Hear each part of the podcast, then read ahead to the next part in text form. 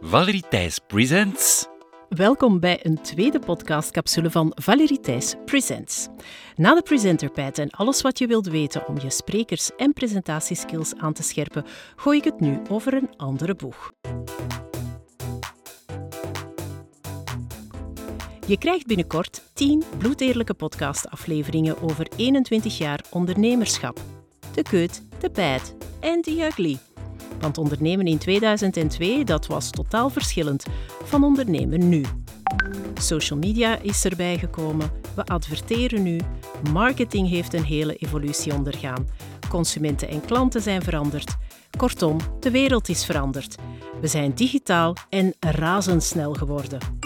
Maar toch, ondanks al die mogelijkheden en innovaties, stellen we toch nog altijd vast dat van alle starters 30% stopt tijdens het eerste jaar en 60% is gestopt na vijf jaar ondernemen.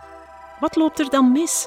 Het is duidelijk dat wat je sommige startende ondernemers ziet doen, niet de route naar succes en lange termijn ondernemerschap is. En hoe zit het dan bij vrouwen? Wat voor ondernemers zijn zij en welke hindernissen komen ze tegen? En dan zijn er ook nog de freelancers. Is dat ook ondernemen of is dat een categorie apart? Er bestaat volgens mij niet zoiets als geluk hebben in het ondernemerschap. De route naar succes is geen rechte lijn, maar een lange vlucht met tussenstops, de nodige gate changes, vertragingen, kans op bagageverlies en ja hoor, stakende piloten. Oh, good news. There are two seats available in business.